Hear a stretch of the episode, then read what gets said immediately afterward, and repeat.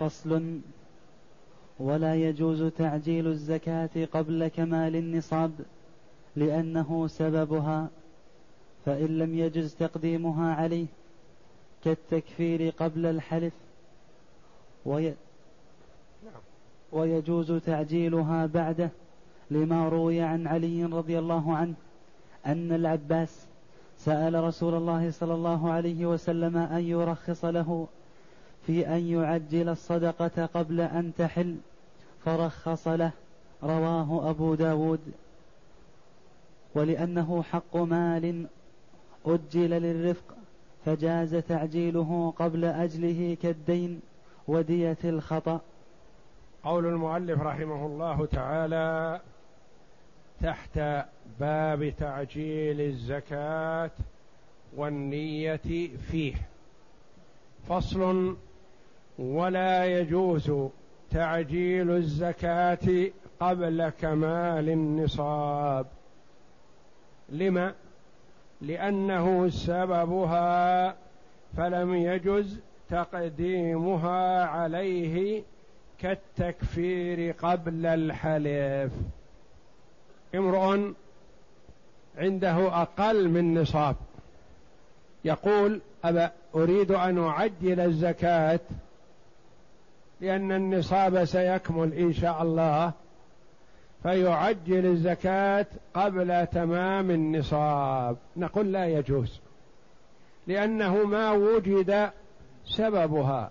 سبب الزكاة هو وجود النصاب والنصاب ما وجد. كما أن سبب الكفارة وجود اليمين. فإذا عجل الكفارة وقال أريد أن أحلف غدا أو بعد غد وهذه الكفارة نقول لا لأنها ما صادفت محل ما صادفت يمين تكفره.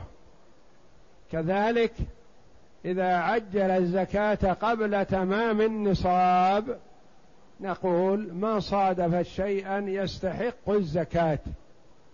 فتعتبر صدقة تطوع وليست زكاة عن هذا المبلغ إذا كمل نصابا. ويجوز تعجيلها بعده. إنسان عنده مبلغ في محرم أقل من نصاب. وفي ربيع كمل النصاب. أراد أن يعجل الزكاة في صفر. هل تصح؟ لأنها قبل أن يكمل النصاب فلا تصح. أراد أن يعجلها في رجب. كمل النصاب في ربيع وتمام الحول في ربيع من العام المقبل. أراد أن يعجلها في رجب. نقول يصح لأنه وجد سببها وهو كمال النصاب. فالتعجيل بعد وجود السبب جائز. لما روى علي بن أبي طالب رضي الله عنه أن العباس بن عبد المطلب رضي الله عنه عم النبي صلى الله عليه وسلم. طلب من النبي صلى الله عليه وسلم أن يعجل زكاة ماله. فأجاز له النبي صلى الله عليه وسلم ذلك.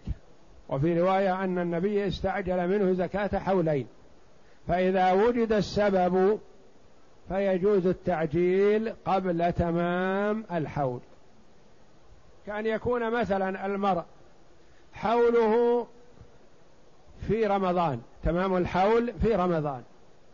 حصل حاجة في رجب أتاه فقير في حاجة أتاه صاحب حاجة حصل جهاد في سبيل الله وأراد أن يبذل فيه من الزكاة. لأن الجهاد في سبيل الله من مصارف الزكاة. فأراد أن يعجل زكاة ماله الذي يحول عليه الحول في رجب نقول لا بأس بذلك هذا يجوز. لأنه إذا وجدت حاجة فتعجيله من أجل هذه الحاجة حسن لأنه انعقد الحول بتمام النصاب. والتأخير إلى تمام الحول هذا من باب الرفق بالإنسان. كأن يكون مثلا عليه دين لا يحل إلا في رمضان فأراد أن يعجله في رجب. أليس هذا حسن؟ تعجيل الحق فكذلك هذا ما دام أنه انعقد سببه وهو وجود النصاب فتعجيله لا بأس به. نعم. وفي تعجيلها لأكثر لأكثر من عام روايتان أحدهما يجوز لأنه عجلها بعد سببها والثانية لا يجوز لأنه عجلها قبل انعقاد حولها فأشبه ما لو عجلها قبل نصابها. أما التعجيل لأكثر من سنة يعني يكون مثلا حوله في رمضان فعجل زكاة هذه السنة التي تحل في رمضان وعجل زكاة السنة القادمة التي تبدأ من رمضان وتحل في رمضان الآخر. هذا التعجيل للسنة الثانية محل فيه روايتان رواية تقول يجوز. لأنه عجل الشيء ولأنه ورد في رواية تعجيل العباس زكاة أنه عجلها لسنتين. الرواية الثانية قالوا لا يجوز لأنه ما وجد السبب وهو بدء الحول. النصاب كامل لكن الحول ما بدأ. قالوا تخرجها في أثناء الحول لا بأس. لكن قبل أن يبدأ الحول لا روايتان. نعم. إن ملك نصابا فعجل زكاة نصابين عنه وعما يستفيده في الحول أجزأه عن النصاب دون الزيادة لأنه عجل زكاة الزيادة قبل وجودها. فإن ملك نصابا إذا كان المرء مثلا عنده نصاب انعقد سببه وهو وجود النصاب وبدأ حوله وهو يشتغل في هذا النصاب. قال أريد أن أعجل زكاة نصابين لأن هذا النصاب بإذن الله سيكون نصابين. نقول لا هذا لا يجوز لأنك تخرج زكاة مال لم يكن عندك. وإنما يجوز عما عندك وأما ما ليس عندك فلا. مثلا عنده خمس من الإبل حولها في رمضان فأراد في رجب أن يخرج شاتين عن عشر من الإبل. قال لأنها ستلد وتكمل نصابين. فأنا أخرج الآن نصابين. نقول لا الآن ما وجد النصاب. فلا تخ فلا يصح إلا عن نصاب واحد الذي هو عندك. وأما ما ليس عندك فلا تخرج زكاته حتى يوجد عندك. ولو ملك خمسا من الإبل فعجل شاتين عنها وعن نتاجها فحال الحول وقد نتجت خمسا فكذلك لما ذكرنا. كذلك يعني ما يصح إلا عن الخمس الأول لأن الخمس الثانية ما وجدت إلى الآن. وإن ملك أربعين شاة فعجل عنها شاة ثم ماتت الأمهات وبقيت سخالها أجزأت عنها لأنها تجزئ عنها وعن أمهاتها. لو كانت باقية فعنها واحدة. فعنها فعنها وحدها أولى بخلاف التي قبلها. لو أنه كان عنده أربعين شاة كم زكاتها؟ شاة واحدة. فعجلها. فماتت الشياه هذه التي عجل عنها الزكاة بعد ولادتها. فوجد عنده أربعون شاة عند تمام الحول. لكن هذه الأربعين كلها صغار ما وجدت إلا بعد في أثناء الحول. نقول الشاة التي أخرجها عن الأربعين مجزئة لأنها تجزي عنها وعن أمهاتها فعنها وحدها من باب أولى فتجزئ. ولو ملك عرضا قيمته ألف فعجل زكاة ألفين فحال الحول وقيمته ألفان أجزأه عن ألف واحد لما ذكرنا. لو كان عنده عرض تجارة قيمته ألف فعجل زكاة ألفين تفاؤلا. يعني أن هذا العرض سيكون قيمته ألفين عند تمام الحول. وفعلا عند تمام الحول صار قيمته ألفين. فما الذي يلزمه؟ يلزمه أن يخرج زكاة الألف الآخر. لأنه عجل زكاة شيء لم يكن عنده فلا يحتسب له زكاة وإنما يحتسب تطوع. والله جل وعلا أثابه على هذا وأعطاه فهو ما خسر وإنما ربح لكن لا يجزئ ما عجل عن زكاة ما استجد فيما بعد. فصل إذا عجل الزكاة فلم تتغير الحال. وقعت موقعها وإن ملك نصابا فعجل زكاته وحال الحول وهو ناقص مقدار ما عجلها أجزأت عنه. وإذا عجل الزكاة فلم تتغير الحال. هذا لا إشكال فيه. مثلا عنده زكاة مال حوله في رمضان فجاءه فقير. فأعطاه من الزكاة التي يبدأ حولها ينتهي حولها في رمضان. هذا لا بأس به. ولم تتغير الحال يعني هذا فقير. والرجل الذي دفع الزكاة عنده المال الذي يزكيه وهو على قيد الحياة. هذا لا إشكال فيه. إذا عجل الزكاة قبل محلها ولم تتغير الحال فإنها مجزئة. وإن ملك مئة وعشرين فعجل زكاة فعجل شاة ثم نتج الفقرة الثانية وإن ملك نصابا فعجل زكاته وحال الحول وهو ناقص مقدار ما عجلها. مثلا عنده أربعون شاة أو خمسون شاة. زكاتها كم؟ شاة واحدة. أخرجها قبل تمام الحول. لما تم الحول إذا الشياه تسع وثلاثون. فهل تجزي الشاة التي دفعها أو لا؟ تجزي. لأن الشاة التي دفعها محسوبة كأنها عنده فهي المكملة للأربعين. نعم.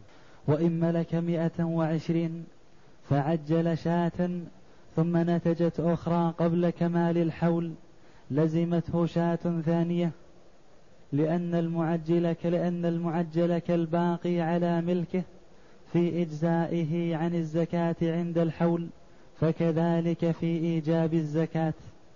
وإن ملك مئة وعشرين من الغنم. كم زكاتها؟ شاة واحدة يعجلها. عجلها قبل تمام الحول. فلما تم الحول مثلا وإذا هي مئة وعشرين لأنه عجل زكاة مئة وعشرين واحدة صارت مئة وتسعة تسعة عشر نقصت واحدة التي عجل.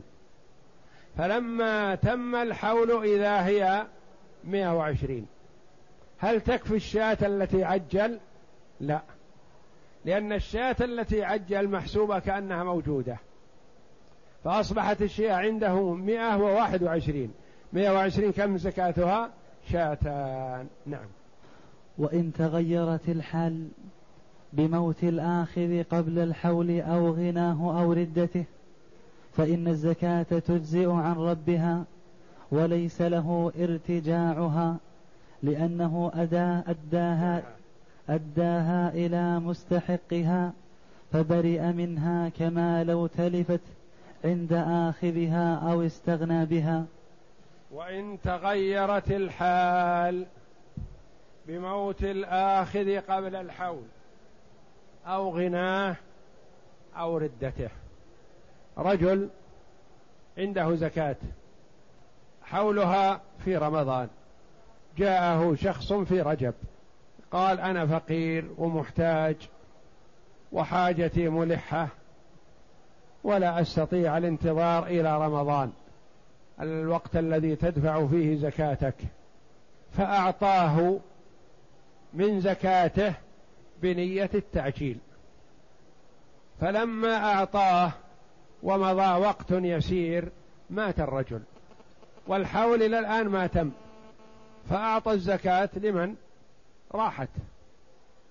والحول إلى الآن ما تم. وزكاته أخذها شخص مات ما هو موجود عند تمام الحول. أو أعطاه في رجب وهو فقير. فلما كان عند دخول رمضان اغتنى. والأصل أن الزكاة تدفع في رمضان لكنه عجلها. فعجلها فصادف حين تمام الحول أن صاحب الزكاة الذي أخذها غني. ما يجوز أن تدفع له. الصورة الثالثة أعطاه في رجب وفي شعبان ارتد عن الإسلام والعياذ بالله كفر. بهذه الفتن التي كقطع الليل المظلم يصبح الرجل مؤمنا ويمسي كافرا ويمسي مؤمنا ويصبح كافرا يبيع دينه بعرض قليل من الدنيا. ارتد عن الإسلام والعياذ بالله. فلما حال الحول إذا الرجل الذي أخذ الزكاة كافر. فما الحكم في هذه الأحوال؟ ميت. أصبحت بيد الورثة والورثة ربما يكونوا أغنياء. أو اغتنى ورث مال واغتنى. ساق الله له مال واغتنى. فصادف عند تمام الحول أن الرجل غني. أو ارتد عن الإسلام والعياذ بالله صادف أن عند تمام الحول إذا الرجل الذي أخذ الزكاة كافر. فما الحكم؟ نقول تجزي لأن المعتبر حال الدفع. ما يلزم أن ينتظر وقت تمام الحول. حال الدفع هو دفعها لمستحق. فبرئت ذمة صاحب المال من هذه الزكاة. مثال ذلك مثلا قالوا لو تلفت عند صاحب الزكاة. أنت أعطيت الزكاة قبل محلها وأخذها المستحق ثم تلفت عنده. هل تغرمها أنت لأنها تلفت عنده قبل تمام الحول؟ لا. فكذلك إذا مات أو اغتنى أو ارتد عن الإسلام ما دام أنك أعطيته الزكاة وهو من أهل الزكاة. فقير موجود حي مسلم. لأن الزكاة ما يجوز أن يسدد بها دين عن ميت. ننتبه لهذا. لأن الزكاة ما تدفع سداد دين عن ميت. وإنما في هذه الصورة إذا التزم بالدين أحد الورثة مثلا فتدفع له الزكاة لأنه التزم بالدين وأما أن تعطيها سدادا عن دين ميت لا ما يجزي لأن الزكاة للأحياء لا للأموات نعم. فأما إن تغيرت حال رب المال بموته أو ردته أو تلف النصاب أو بعضه أو بيعه أو حالهما معا فقال أبو بكر والقاضي الحكم كذلك. لأنه دفعها إلى مستحقها فلم يملك الرجوع بها كما لو لم يعلمه. وقال ابن حامد إن لم يعلمه رب المال أنها زكاة معجلة لم يكن له الرجوع عليه لأن الظاهر أنها عطية تلزم بالقبض فلم يكن له الرجوع بها. وإن كان الدافع الساعي أو رب المال لكنه أعلم الآخذ أنها زكاة معجلة رجع عليه لأنه دفعها عما يستحقه القابض في الثاني فإذا طرأ ما يمنع الاستحقاق وجب رده كالأجرة إذا انهدمت الدار قبل السكنى. فأما إن تغيرت حال رب المال بموته أو ردته أو تلف النصاب أو بعضه أو بيعه أو حالهما معا حالهما من هم رب المال وآخذ الزكاة. فقال أبو بكر والقاضي الحكم كذلك. لأنه دفعها إلى مستحقها فلا يملك استرجاعها. يعني دفعها رب المال فمات. فهل يملك الورثة استرجاع الزكاة التي دفعها مورثهم؟ قالوا أنت أعطيتها قبل الاستحقاق. قال قوم لا يملك الرجوع فيها.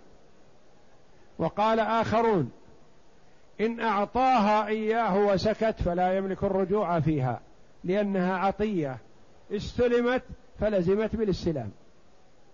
وأما إذا أعلمه أنها زكاة معجلة قالوا يملك استرجاعها. لأنه أخبرها أخبره أنها زكاة لم يحل وقتها. فتغيرت الحال قبل حلول الوقت قالوا يملك استرجاعها يسترجعها مثلا. الرجل دفع زكاة مال له لم يتم حوله حوله في رمضان فدفع الزكاة في رجب وسكت. فلما كان في شعبان مات صاحب المال. هل يأتي الورثة ويقولون انقطع الحول بموت صاحبه أعطنا الزكاة؟ نقول في هذا تفصيل على ما قرره العلماء. بعضهم قال لا يرجع مطلقا. آخرون قالوا لا يخلو. إن أعلمه أنها زكاة معجلة أو لم, لم يعلمه أنها زكاة معجلة. قالوا إذا أعطاه ولم يعلمه فلا يرجع لأنها عطية وصلت إلى مستحقها ولزمت بالقبض أما إذا أعلمه فللورثة الرجوع. إذا قال يا أخي الحول ما تم إلى الآن لكن خذ من الزكاة والحول يتم في رمضان. هذه زكاة أعطيك إياها الآن وهي معجلة عن رمضان. فمات صاحب المال في شعبان. فما دام أن القابض علم أنها زكاة لم يحل للورثة استرجاعها. قالوا أعطاك صاحبنا زكاة معجلة ما ثبتت. مات قبل تمام الحول فرد ما أخذت. فلهم أن يسترجعوها ما دام أعلمه. أو كان الدافع الساعي لأن الساعي يعلم أنه يدفع من الزكاة. نعم.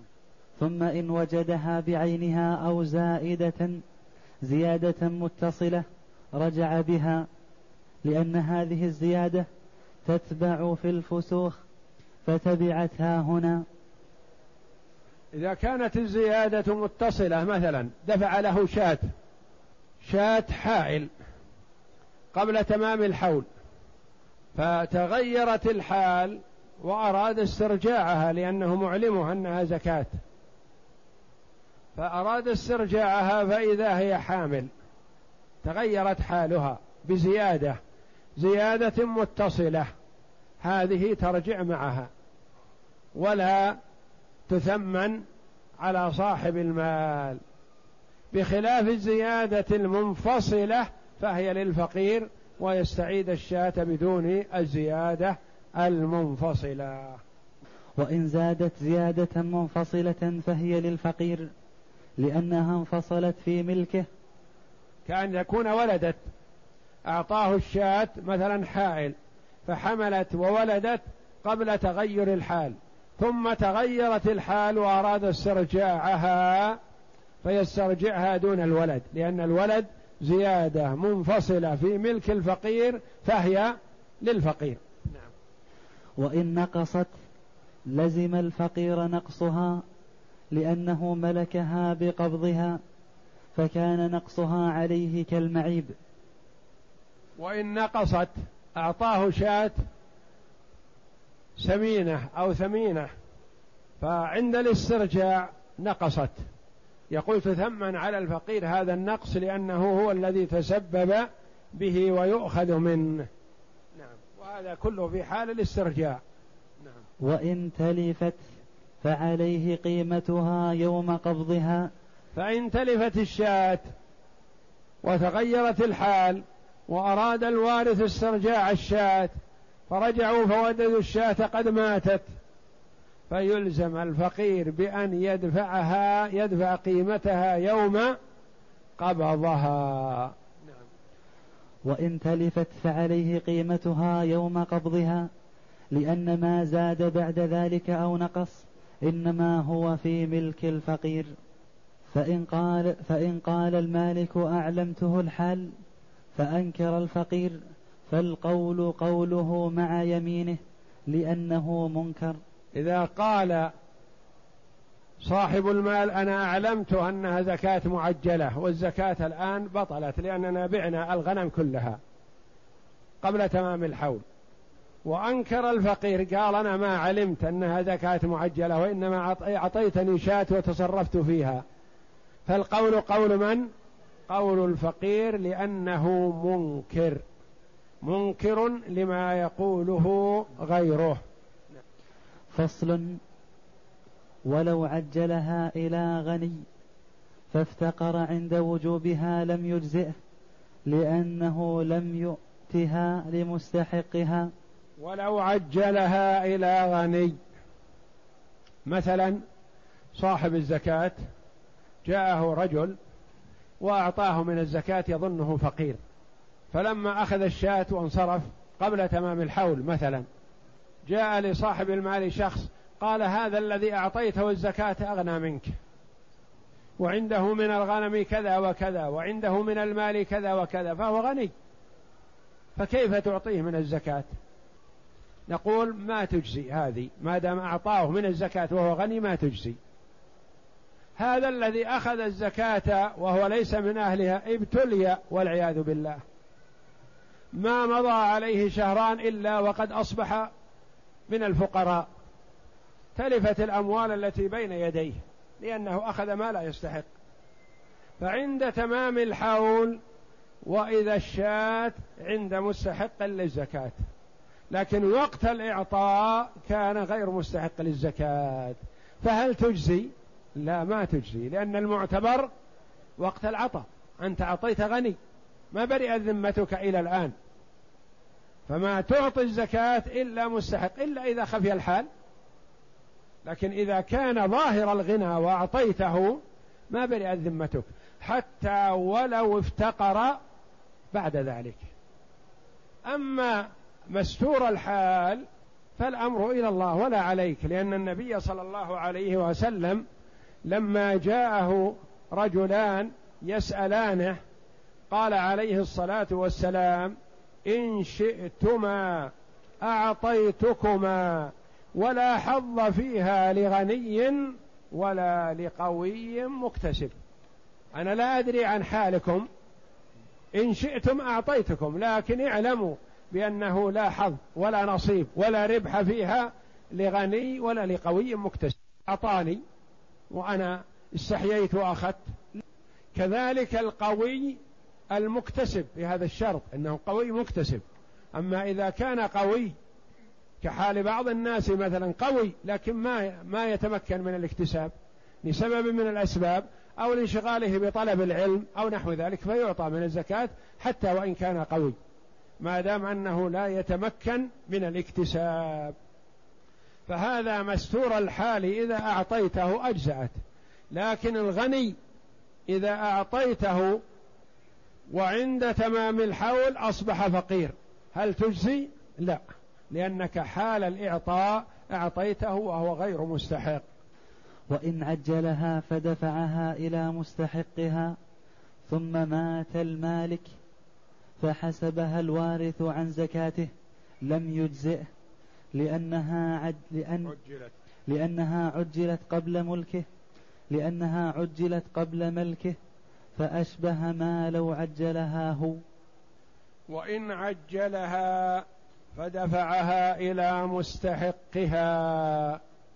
الرجل دفع الزكاة إلى المستحق قبل تمام الحول.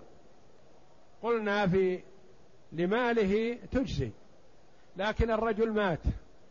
الذي دفعها قبل تمام الحول مات. لمن ينتقل المال؟ للوارث. الوارث يعلم. قال إن أبي أو أخي دفع الزكاة قبل تمام حولها. أنا أعتبر الزكاة التي دفعها أبي أو أخي من زكاتي أنا. حينما ملكت الغنم أو ملكت المال أو ملكت التجارة أعتبرها من الزكاة. أو اطلع على دفتر أبيه فإذا هو يعجل من الزكاة يسجل من محرم مثلا. إلى رمضان يسجل على حساب الزكاة وهذا سائغ. أن المرأة مثلا يسجل على حساب الزكاة كلما تيسر أو صادف حاجة أو أمر من الأمور أعطى من الزكاة وسجله. فجاء الولد واطلع على دفتر أبيه.